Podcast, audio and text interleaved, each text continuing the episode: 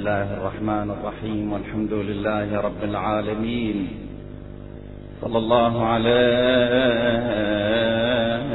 يا سيدي ويا مولاي يا رسول الله وعلى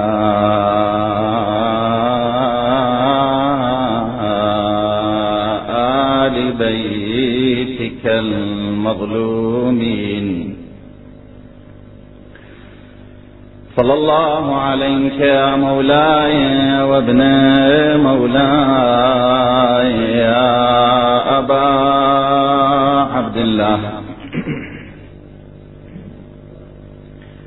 يا رحمة الله الواسعة ويا باب نجاة الأمة. يا غريب. مظلوم كربلاء. ما خاب الله ما خاب الله من تمسك بكم. وأمنا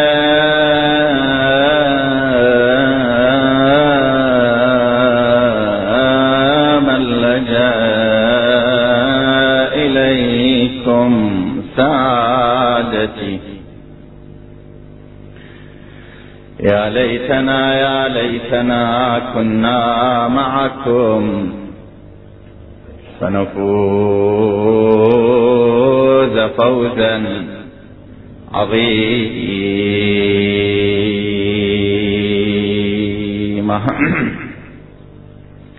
لقد هاج في قلب الشجي غرام. لركب بجرعاء الغميم أقاموا سروا فأذلت الدمع إثر مسيرهم دما والحشا مني عراه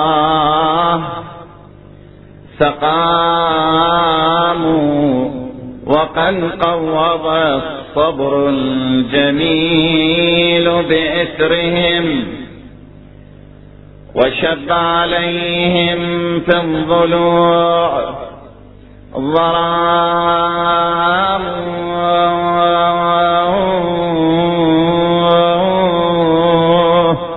ظللت أنادي في الربوع فلم يجب ندائي وأنا للربوع كلام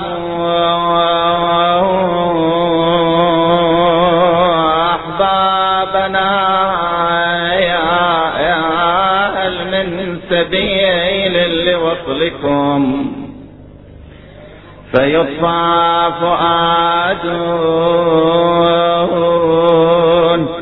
لج فيه هيام وهل نلتقي بعد الفراق سويعة. فيطفى من القلب الشجي إوام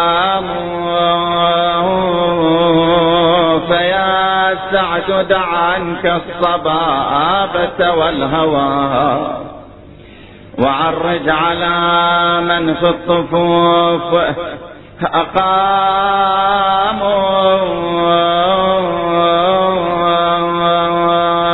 بنفسي أفدي فتية هاشمية. لها قد سما فوق السماك. مقام رأت أن دين الله يا بين أمية. تلاعب فيه ما تشاء. طغام قامت لنصر الدين فرسان غالب عليها من البأس الشديد. وسام إلى أن سواء في التراب بين مبضعين. ومنعفر منه تطايرا.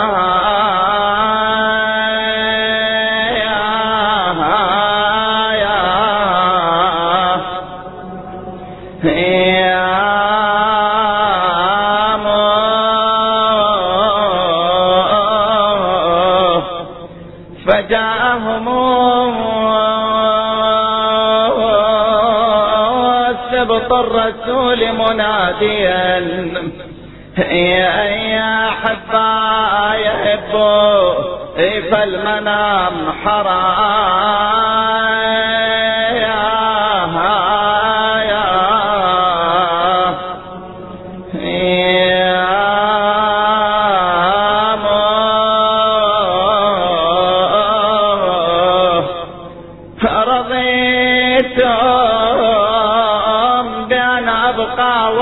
وأنتم. يا ضمايا على شاطئ الفرات يا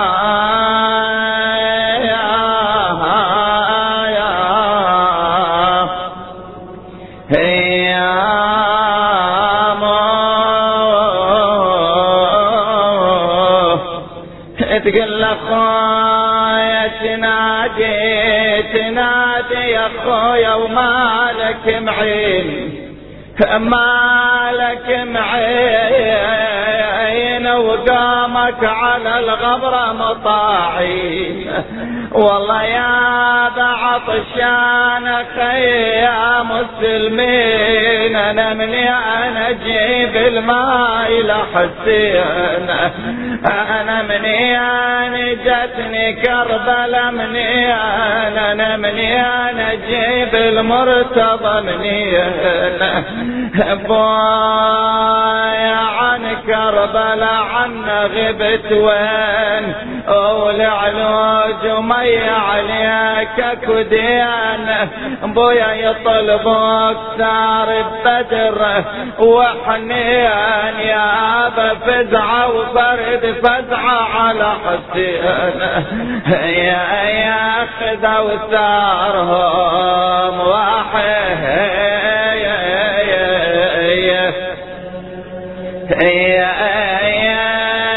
السبعين. إنا لله وإنا إليه راجعون.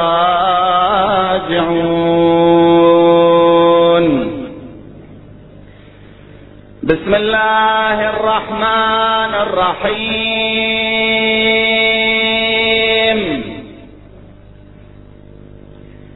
بقية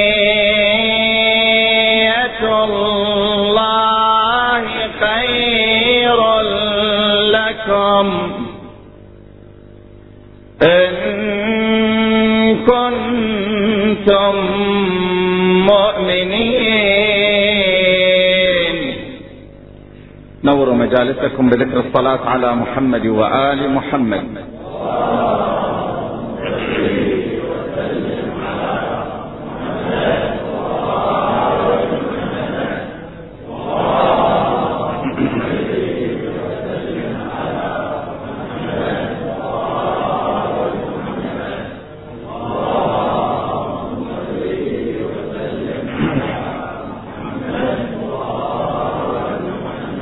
هذه الآية الكريمة تعبر عن لسان شعيب النبي. عندما خاطب قومه يا قوم أوفوا المكيال والميزان بالقسط ولا تبخسوا الناس أشياءهم ولا تعثوا في الأرض مفسدين بقية الله خير لكم إن كنتم مؤمنين. فالآية الكريمة تتحدث عن الكسب الحلال وتتحدث عن عدم الإفساد في الأرض. واضح الرزق الحرام لا بقاء له. الرزق الحلال له البقاء. ومن المتيقن به أن بقاءه في الآخر الرزق الحلال ثواب وحسنات يتاب عليها الإنسان في الآخر أما الرزق الحرام فلا بقاء له. القرآن الكريم يقول الرزق الحلال هو من الله. بقية الله من الحلال خير لك. من أن تتكسبوا من الحرام. ولهذا درهم من حلال خير من ألف لا بركة فيه. لماذا نسب الباري تبارك وتعالى الحلال لنفسه؟ الحلال من الله والحرام من إيه؟ أيضا من الله. ولكن ما نسبه لنفسه؟ دائما. الشيء الطيب ينسب لنفسه ولهذا بيت الله يقال إلى المكة إلى مكة المكرمة. هي بيت الله. ما من نفس يقول الإمام الباقر صلوات الله وسلامه عليه إلا وقد فرض الله لها رزقها حلالا يأتيها في عافية.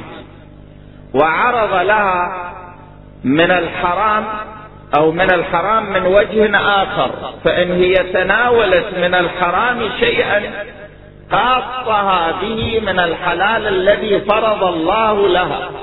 وعند الله سواهما فضل كبير. واسألوا الله من فضله. الله قدر لهذا الشخص اليوم يحصل على عشر دنانير من الحلال ولكن يعرض له الحرام. إذا تكسب خمس دنانير من الحرام يقللون خمس دنانير من الحلال. هكذا إن العبد ليحرم نفسه الرزق الحلال بترك الصبر ولا يزداد على ما قدر له. الرزق الحلال هو كل شيء. الأموال فيها رزق حلال وفيها رزق حرام. المنصب فيه حلال وفيه حرام. الزوجة والمرأة والرجل فيه حلال وفيه حرام. وكل نعم الله تبارك وتعالى فيها حلال وفيها حرام. يعرض له الحرام. فإن صبر واتقى جاءه الحلال. ومن يتق الله يجعل له مخرجا ويرزقه من حيث لا يحتسب طيب. هذا هو تفسير الآية الكريمة. القرآن الكريم أيها الأحبة أنا أتصور التردد أكثر من اللازم. لو الأخوة المسؤولين شوية ينزلون التردد. طيب. القرآن الكريم فيه تفسير وفيه تأويل. التفسير هو بيان المعنى الظاهر للقرآن الكريم طبقا لقواعد وموازين اللغة العربية. أما التأويل هو بيان باطن الآية الكريمة وبالأحرى بيان المصداق الأعلى للقرآن الكريم. دائما القرآن الكريم آياته واضحة. نأخذها طبقا لموازين اللغة العربية. فما ظهر من معنى منها أخذنا به. ولهذا ظواهر القرآن الكريم حجة ويؤخذ بها ما لم يرد النص بخلافها. إذا ورد النص من المعصوم بخلافها هنا لا يحق لنا أن نأخذ بظواهر القرآن الكريم.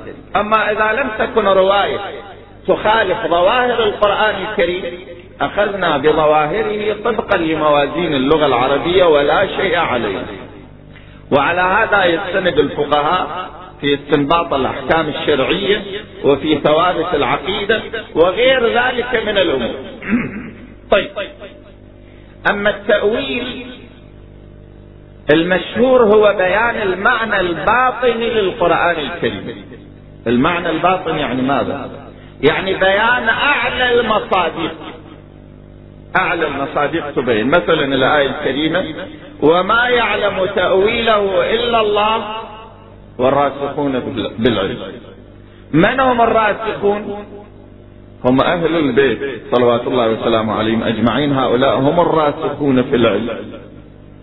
هؤلاء يعلمون تأويل الآيات القرآن الكريم. ولكن ألم يكن هناك من يعلم, يعلم تأويل القرآن الكريم؟ بلى. العلماء الربانيون الذين ساروا بمنهج القرآن وساروا بالسنة النبية النبوية وأخذوا من علوم أهل البيت. العلماء الربانيون. هؤلاء أيضا من الراسخين في العلم. إنما الرواية ذكرت أعلى مصاديق الآية الكريمة. فهنا جاء التأويل وهكذا. وإلا القرآن الكريم ما جاء لزمان دون زمان. آياته حية إلى يوم القيامة. وقابلة للانتظار. فدائما التأويل يعطينا أعلى المصادر. طيب. بقية الله خير لكم. دائما الحلال وما جاء من طرف الله تبارك وتعالى خير لنا مما جاءنا من غير الله. الذي يأتينا بالبخت مثلا الذي يأتينا من الحرام هذا لا خير فيه. الذي يأتي من الله تبارك وتعالى هو خير لكم الأنبياء جاءوا من قبل الله تبارك وتعالى جاءوا بشرائع سماوية إلى البشرية. وكذلك البشرية جاءوا بحضارات إلى الناس. أيهما خير؟ واضح. حضارات السماء خير لكم. البقية الباقية من الأنبياء هم الأئمة الأطهار من ذرية رسول الله محمد صلى الله عليه وآله وسلم. البقية الباقية من هؤلاء الأئمة الأطهار هو المهدي من آل محمد صلى الله عليه وآله وسلم.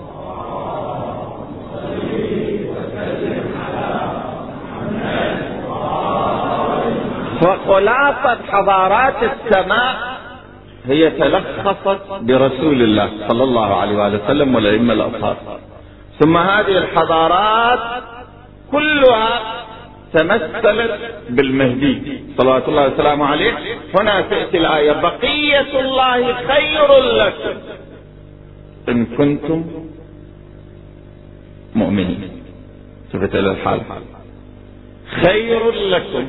واضح. الإمام الصادق صلوات الله وسلامه عليه دخل عليه أحد الناس وقال يا ابن رسول الله إذا ظهر المهدي فهل يسلم عليه؟ بأمير المؤمنين؟ قال لا. ذلك مختص بعلي صلوات الله وسلامه عليه. لا يقال لأحد بعد علي بأمير المؤمنين. خلاص. اليوم أربعة خمسة ما يعرف أحد. أي طرفيه أطول من الآخر. يطلع يقول أنا أمير المؤمنين ويصدر الأوامر ويبيح دماء المسلمين. أه؟ قال وإنما يسلم عليه يقال السلام عليك يا بقية الله. ولهذا إذا ظهر صلوات الله وسلامه عليه فبعد أن يجتمع إليه أنصاره يتكئ إلى جدار الكعبة. ويقرأ قوله تعالى بقية الله خير لكم إن كنتم مؤمنين. ثم يقول أنا بقية الله وحجته في أرضه وخليفته عليكم. فما يبقى مسلم إلا يسلم عليه. يقول السلام عليك يا بقية الله. فبقية الله أيها الأحبة هو خير لنا. لابد أن نسعى لكي ننال رضا الإمام صلوات الله وسلامه عليه. ففيه رضا الله. ولا نحاول أن نتزلف إلى الحكومات وإلى الدول وإلى الرؤساء. فلا تنفعنا شيوعية روسيا ولا رأسمالية أمريكا. إنما ينفعنا البقية الباقية من قبل الله ومن حضارات السماء. وهي متمثلة في المهدي من آل محمد صلى الله عليه وآله وسلم. هنا. فكرة الإمام المهدي صلوات الله وسلامه عليه. الليلة هي أولى محاضرات في سيرة الإمام المهدي صلوات الله وسلامه عليه ولهذا أنا أحاول أن أعطي مقدمات لبحث. فكرة المصلح والاعتقاد بالمصلح هي فكرة عالمية وعليها رسالات السماء. نوح النبي على نبينا وآله عليه السلام بشر أمته من بعده بإبراهيم. وأنه سيكون المصلح. والناس كانوا ينتظرون حتى جاء إبراهيم.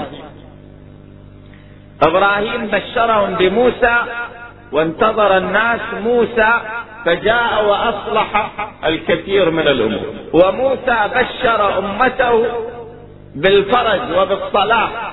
عبر عيسى فانتظر الناس عيسى على نبينا وآله وعليه السلام فجاء وفرج عن الناس وأصلح امورهم وعيسى بشر الناس برسول الله صلى الله عليه وآله وسلم فجاء وفرج عن الناس وأصلح الكثير من الأمور. ولكن كل هؤلاء ما أصلحوا شرق الأرض وغربها.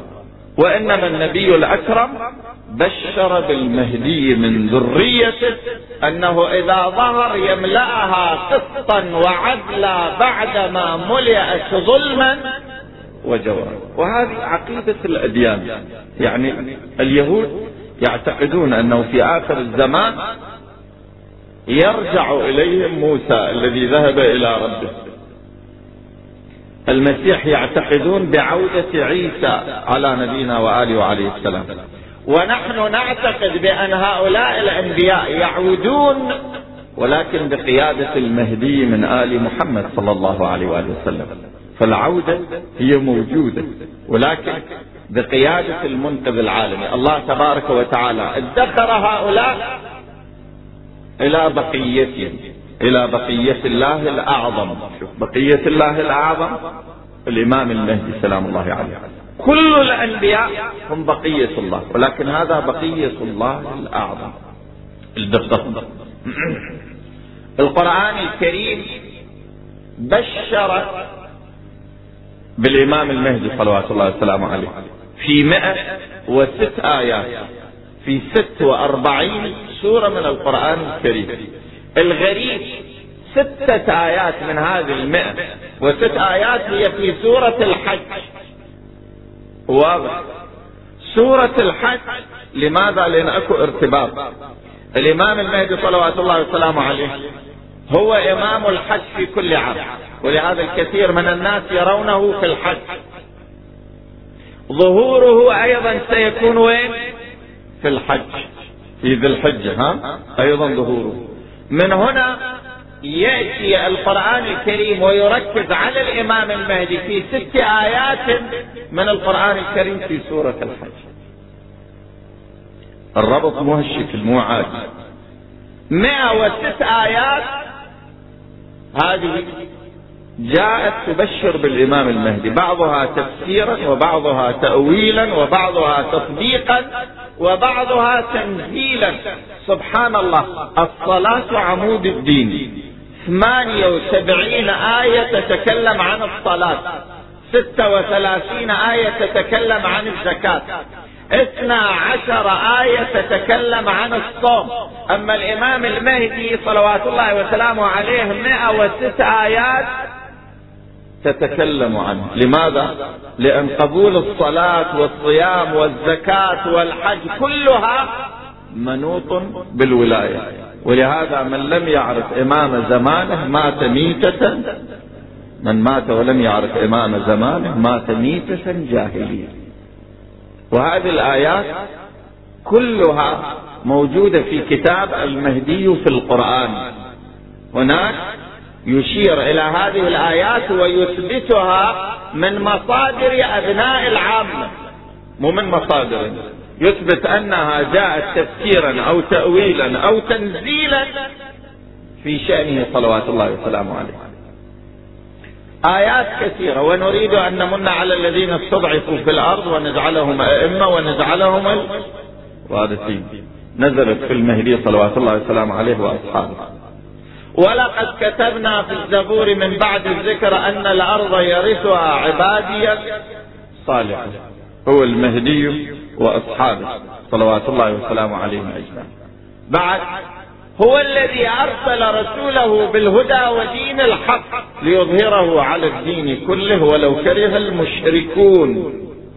واضح النبي الأكرم صلى الله عليه وآله وسلم ما ظهر على الدين كله وهذه اليهودية والمسيحية الدين اليهودي والدين المسيحي ما زالوا بيننا. ما ظهر متى يظهر؟ يظهر على الدين كله بظهور المهدي صلوات الله وسلامه عليه. في ذلك اليوم يكون يظهر على الدين كله. بقية الله خير لكم إن كنتم مؤمنين. الآية. أما الروايات فأنا كنت أظن أن الروايات التي وردت في قضية الإمام المهدي صلوات الله وسلامه عليه تبشر به وتتحدث عنه أنها عبارة عن ثلاثة آلاف رواية. وإذا بي رأيت هناك من المصادر يذكر هناك ستة آلاف رواية وحديث تتحدث عن الإمام المهدي وتبشر به. فقط أربعمائة رواية وحديث من كتب أبناء العامة منتشرة في صحاحهم وفي سننهم وفي تواريخهم وفي تفاسيرهم. من أراد فليراجع. ولكن أيها الأحبة هناك نقاط مشتركة بيننا وبين سائر المذاهب الإسلامية في حق الإمام المهدي صلوات الله وسلامه عليه. ومتفق عليها هذه النقاط لا خلاف. وهناك نقاط مختلف فيها بين مذهب أهل البيت وسائر المذاهب الإسلامية في شأن الإمام صلوات الله وسلامه عليه. النقاط المشتركة منها هو التبشير بالمهدي صلوات الله وسلامه عليه. هذا شيء مسلم لدى كل المذاهب الإسلامية أن النبي الأكرم صلى الله عليه وآله وسلم بشر بالمهدي في آخر الزمن. النقطة الأولى. النقطة الثانية المتفق عليها في كتب كلا الفريقين أن الاعتقاد بالإمام المهدي صلوات الله وسلامه عليه من جملة الغيب. بسم الله الرحمن الرحيم ألف لام ميم ذلك الكتاب لا ريب فيه هدى للمتقين الذين يؤمنون بالغيب من جملة الغيب هو الاعتقاد بالإمام المهدي صلوات الله وسلامه عليه هذا متفق عليه لدى المذاهب الإسلامية بعد من الأمور المتفق عليها أن الإمام المهدي صلوات الله وسلامه عليه من أهل البيت وبالتحديد من ذرية فاطمة صلوات الله وسلامه عليه. الثالثة رابعا من المتفق عليه حتمية قيام دولة الإمام. ولهذا لو لم يبق من الدنيا إلا يوم واحد لطول الله ذلك اليوم حتى يظهر فيه ولد المهدي. هذا واضح. حتمية قيام دولة. هذه النقطة الرابعة. النقطة الخامسة المتفق عليها هي عالمية دولة الإمام. دولة الإمام ما راح تكون في بلد دون آخر. لا. راح تشمل المعمورة بأجمعها فيملأها قسطا وعدلا بعدما ملئت ظلما وجورا وهذا إن شاء الله في هالليالي. أمامنا إذن الأمور أنا راح أشير إليها. بعد الأمر السادس اللي متفق عليه لدى كلا الفريقين هو هناك بعض العلامات متفق بها. مثلا من العلامات المتفق عليها أنه قبل ظهوره صلوات الله وسلامه عليه وقبل قيام دولة تظهر دولة تمهد الأرضية والأمر لحكومته. وفي المقابل تظهر دولة قبل ظهوره وقبل قيام حكومته تعاد الإمام. وهي في بلاد الشام الروايات اللي تأتي تحت عنوان السفياني هذا أيضا متفق عليه. الأمر السابع اللي متفق عليه لدى كل الفرق الإسلامية في شأن الإمام صلوات الله وسلامه عليه هو نزول عيسى ابن مريم من السماء السابعة ويصلي خلف الإمام المهدي صلوات الله وسلامه عليه في بيت المقدس. هناك يقف ويقتدي بالإمام. هذا أيضا متفق عليه. نعم. هناك نقاط مختلف فيها في شأن الإمام. مثلا هناك خلاف بين مذهب أهل البيت وبين سائر المذاهب الإسلامية في ولادة الإمام صلوات الله وسلامه عليه. عقيدتنا أنه ولد. سلام الله عليه في سنة 255 للهجرة في مدينة سامراء. هذا متفق عليه لدى علماء الشيعة ولكن يخالفنا في ذلك أبناء العامة. أبناء العامة يرون أن الإمام بعد لم يولد وإنما سيولد في آخر الزمان قبيل ظهوره. هذه نقطة من نقاط الخلاف بيننا وبينهم أيضا من نقاط الخلاف بيننا وبين بعض. فرق أبناء العامة هو الاختلاف في والد الإمام المهدي. الشيء اللي متفق عليه لدى مذهب أهل البيت أن والد الإمام المهدي صلوات الله وسلامه عليه هو الإمام العسكري أما أولئك بعضهم يقول لا والد الإمام المهدي هو عبد الله. يقول له ليش؟ يقول لهم في الحديث عن رسول الله صلى الله عليه وآله وسلم يقول اسمه اسمي المهدي من ولدي. اسمه اسمي واسم أبيه اسم أبي. والد النبي كان هو عبد الله. فإذا اسمه اسمي فاسمه هو كاسم رسول الله. هذا واضح. ولكن هو اسم أبيه اسم أبيه هذا معناته والد الإمام هو عبد الله. الشيء اللي مسلم عندنا أن والد الإمام هو الإمام العسكري صلوات الله وسلامه عليه. هذه نقطة من نقاط الخلاف. نقطة ثالثة أيضا يختلفون بها معنا. هي جد الإمام صلوات الله وسلامه عليه.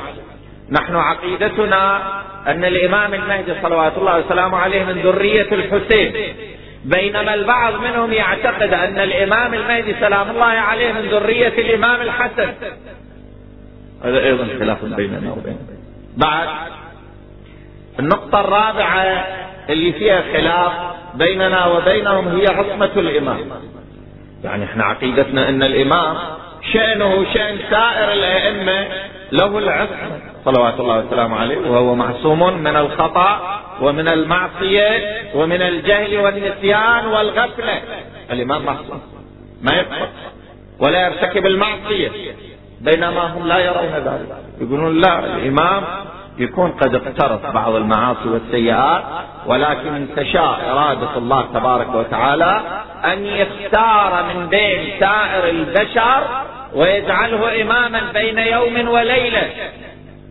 هذا يختلف معه بعد النقطة الخامسة اللي فيها خلاف بيننا وبين بقية المذاهب الإسلامية هو قضية غيبة الإمام صلوات الله وسلامه عليه. إحنا عقيدتنا أنه غاب من سنة 261 الغيبة الصغرى ثم الغيبة الكبرى. هم ما يقبلون هذا المعنى. يهزؤون من هذا القول ويسخرون منه. طيب. فإذا هناك نقاط اتفاق بيننا وبين سائر الفرق الإسلامية في شأن الإمام المهدي. اللي واحدة منها أنه مسلم العقيدة بالمهدي هي من الغيب وأنه بشر به الرسول وأنه من أهل البيت وأن حكومته لا بد منها وهي عالمية والاتفاق على بعض العلامات وأن, ال... وأن عيسى على نبينا وآله وعليه السلام سيصلي خلف الإمام. إذن أمور متفق عليها. أما قضية اسمه اسمي واسم أبيه اسم أبي هذه رواية ما نقدر نقبلها أبدا. هذه مردودة ولا يمكن قبولها. لماذا؟ أولا عندنا المستفيض من الروايات بل المتواتر.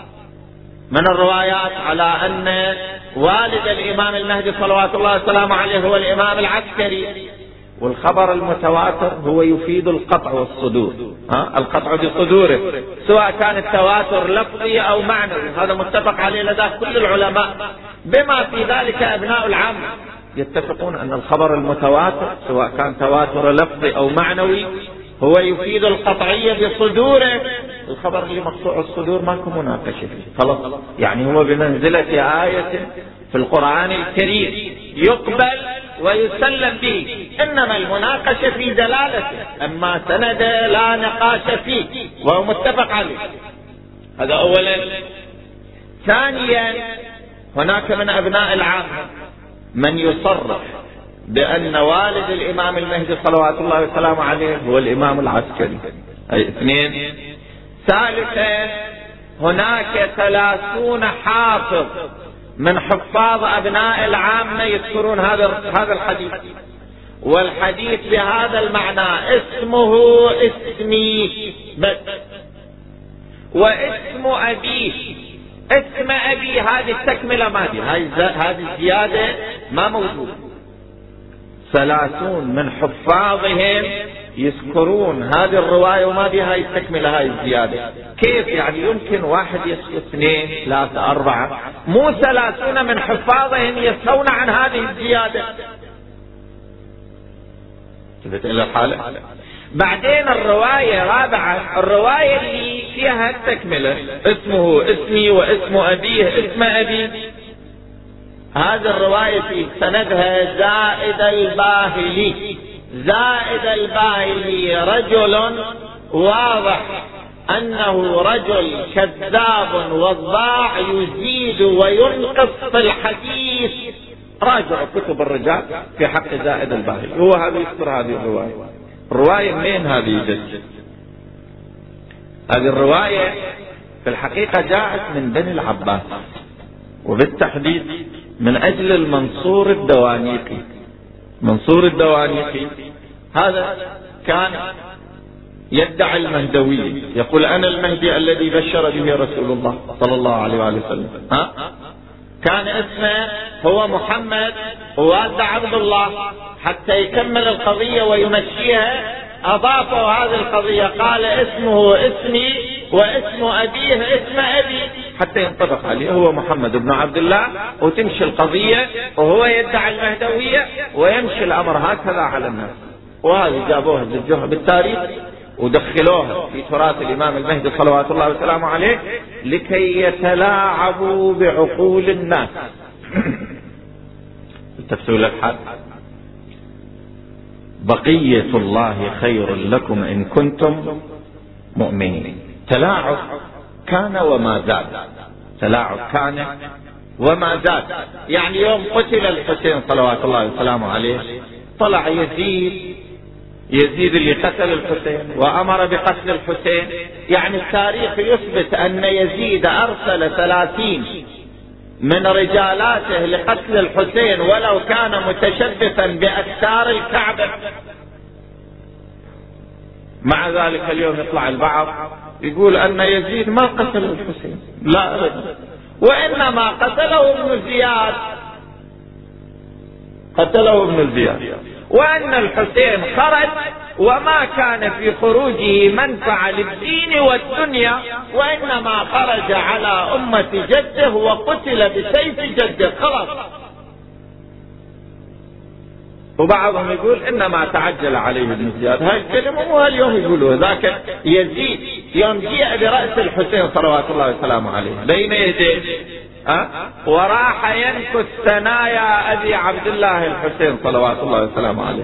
ليت أشياخي ببدر شهدوا جزع الخزرج من وقع الأسد لأهلوا واستهلوا فرحا ثم قالوا يا يزيد لا تشهد. كان يمشي الثنايا ابي عبد الله. ولكن الحوراء زينب سلام الله عليها. خطبت الإمام زين العابدين خطب.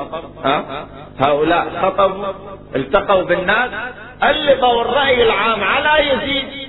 هو حاول. دائما الظالم هذه طريقة من يحس العصا حارة وانقلاب الرأي العام عليه يجلس حتى تفوت العاصفة قال والله لقد تعجل علي ابن زياد وإني كنت أرضى منه دون ذلك وما أمرت بقتله. ها؟ يمكن عبيد الله بن زياد يقتل مثل الحسين من دون أمر من يزيد. اذا الكتاب اللي أرسله إلى الوليد الوالي على المدينة قال خذ البيعه من الحسين وإلا فاضرب عنقه. هذا الكتاب شنو؟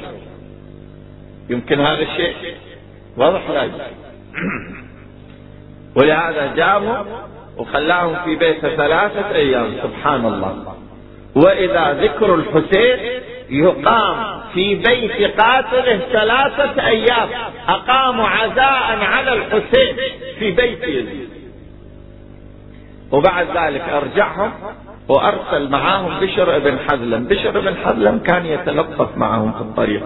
هكذا أنس. وكان يحسن إليهم مع ذلك أهل البيت في الحين اللي هو موظف عند الدولة أهل البيت أحسنوا إليه. لما وصلوا إلى المدينة الحوراء زينب سلام الله عليها جمعت شيء من الذهب لأن أرجع إليهم أيضا مقدارا من, من ذهبهم الذي أخذ منهم في كربلاء. جمعت شيء من الذهب اللي كان عند النساء وأعطته إلى الإمام أن يقدمه إلى بشر بن حزلم شكرا له لحسنه ولإكرامه إياهم كانوا إذا أرادوا النزول يبتعد مع جيشه عنه. ولكن لما وصلوا إلى المدينة الإمام زين العابدين صلوات الله وسلامه عليه أبى الدخول إلى المدينة مرة واحدة. نصب الخيام خارج المدينة. توجه إلى بشر قال يا بشر إن أباك كان يحسن الشعر. فهل تقدر على شيء من ذلك؟ قال بلى يا ابن رسول الله وإني لشاعر. قال إذا ادخل المدينة وانع الحسين.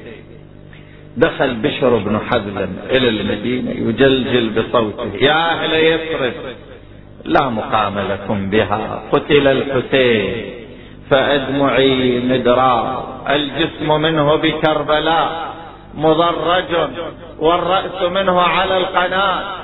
يدار هرع إليه الناس من كل صوب ومكان. يا بشر ما الخبر؟ قال الخبر عند قبر رسول الله.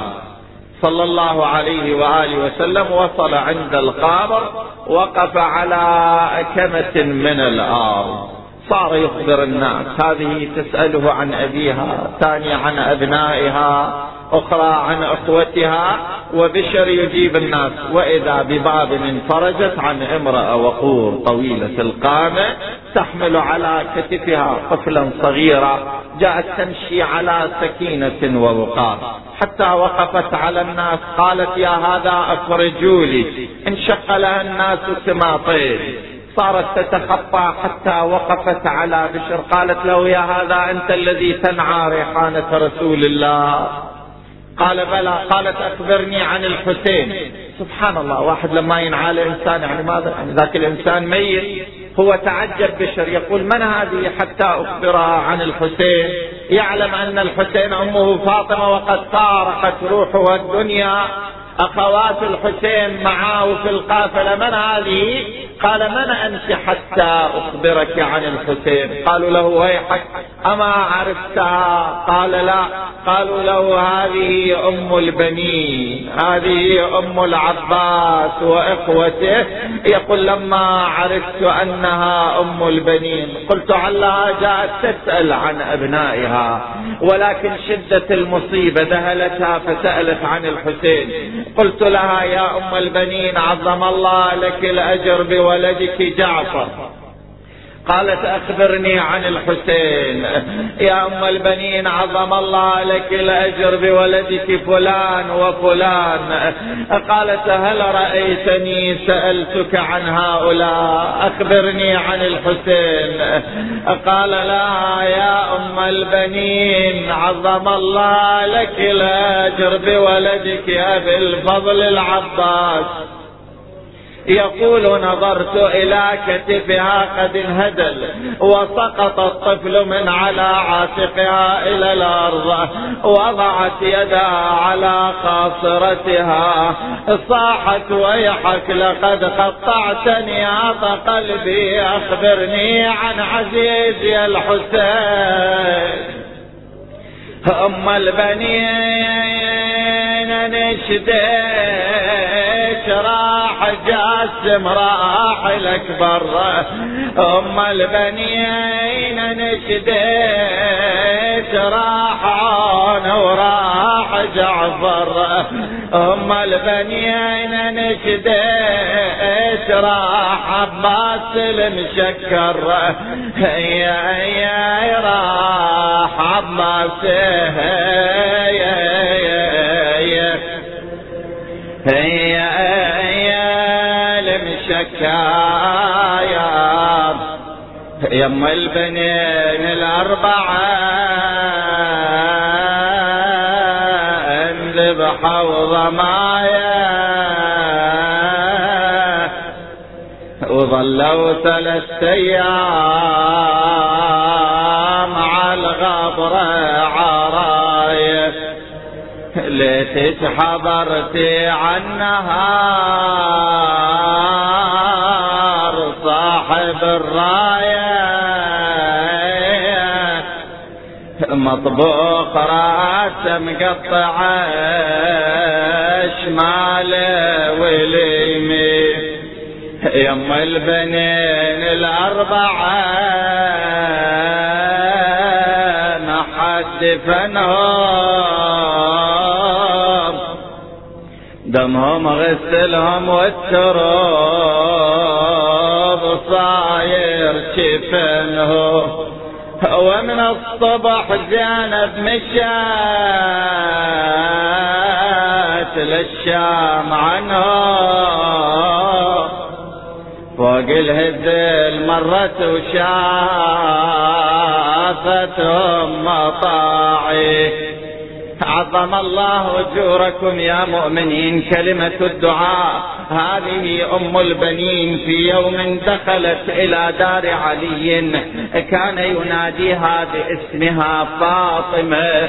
في يوم من الأيام قالت يا أبا الحسن لا تسميني فاطمة. قال لماذا؟ قالت لأنك عندما تسميني فاطمة أنا أنظر إلى الحسنين يبكيان. كأنما يتذكران أمهما فاطمة. فكناها أمير المؤمنين بأم البنين. كانت تفتخر بهذا الاسم إلى متى؟ إلى يوم دخل بشر بن حذلم إلى المدينة. بعد ذلك كانت تذهب إلى البقيع وتصنع اربعة من القبور وهي تقول لا تدعوني ويك أم البنين. تذكريني بليوت العرين كانت بنون اللي أدعى بهم واليوم أصبحت ولا من بنين. يا ناعيان نجت طيبة مقبلا فعرج على مكسورة الضلع معولا وحدث بما مضى الفؤاد مفصلا. أيقتل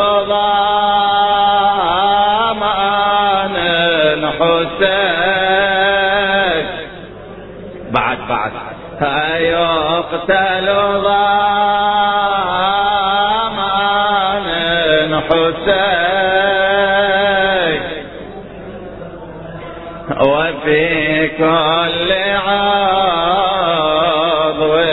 من أنامله بحر. آه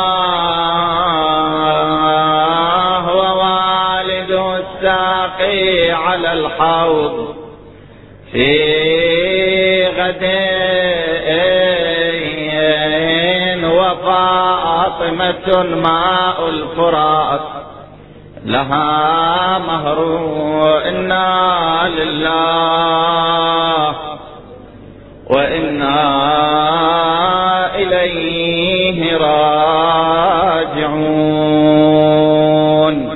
قبل الدعاء أيها الأحبة عندنا مسألة شرعية ليليا قبل الدعاء. لا تجوز الصداقة مع الجنس المخالف وإن كانت خالية من دواعي الريبة والافتتان وكانت بريئة. الصداقة بين الشاب والشابة الرجل والامرأة الأجنبيين الصداقة بينهما محرمة حتى وإن كانت بريئة. خالية من دواعي الريبة والافتتان القرآن الكريم يقول ولا متخذات أخدان ويقول في سورة أخرى ولا متخذي أخدان. والخدن هو الصديق من الجنس المخالف. الكلام المجرد مع الامرأة بما هو هو جائز. أما إذا صارت صداقة حتى وإن كانت بريئة في حدود الدين البعض يقول البحث في, في أمر العقيدة في أمر الإسلام كثيرا ما يحدث على الإنترنت. حوار مثلا عن الدين وعن الإسلام وبعدين يأخذون زاوية لوحدهم يتكلمون. يؤدي إلى صداقة يراسلها وتراسله حتى وإن كان هذا الكلام بريء. إذا انطبق عليه عنوان الصداقة فهو حرام. ولا يجوز. مهما كان قصد الواحد. الكلام بما هو هو جائز. أما الصداقة محرمة مع البنت الأجنبية وكذلك البنت مع الرجل الأجنبي لقضاء الحوائج وشفاء المرضى. طبعا لا يخفى عليكم المجلس إن شاء الله على رأس الساعة التاسعة. اليوم شوي تأخرنا ولكن بكرة يكون الحضور قبل التاسعة. حتى نبدأ على رأس التاسعة بعون الله لقضاء الحوائج وشفاء المرضى. تلاوة الآية الكريمة خمس مرات بأعلى أصواتنا. أعوذ بالله من الشيطان الرجيم. بسم الله الرحمن الرحيم. أما يجيب المضطر إذا دعاه ويكشف السوء ما شاء الله.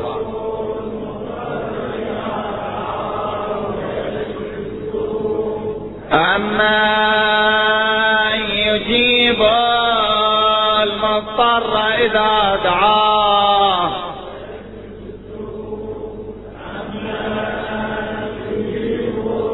يا الله. أما يجيب إذا دعاه اللهم إنا نسألك وندعوك ونتقرب إليك ونقسم عليك بحق محمد وعلي وفاطمة والحسن والحسين والأئمة التسعة من ولد الحسين. يا الله. يا الله يا الله يا الله يا الله يا الله يا الله. اللهم تقبل منا ومن الحاضرين ومن المؤسسين هذا العذاب بأحسن قبولك. اللهم واشفي مرضانا. اللهم واشفي مرضانا المنظورين. اللهم واقضي حوائجنا. اللهم وسدد ديوننا. اللهم وارض عنا إمام زماننا. اللهم وارض عنا آباءنا وأمهاتنا. اللهم وارحم آباءنا وأمهاتنا. اللهم وارزقنا الإخلاص في أعمالنا. اللهم واجعل عواقب أمورنا خيرا. وابعث اللهم إلى أرواح المؤمنين والمؤمنات. لا سيما من مضى من هذا الجمع. نهدي للجميع ثواب سورة الفاتحة مع الصلوات.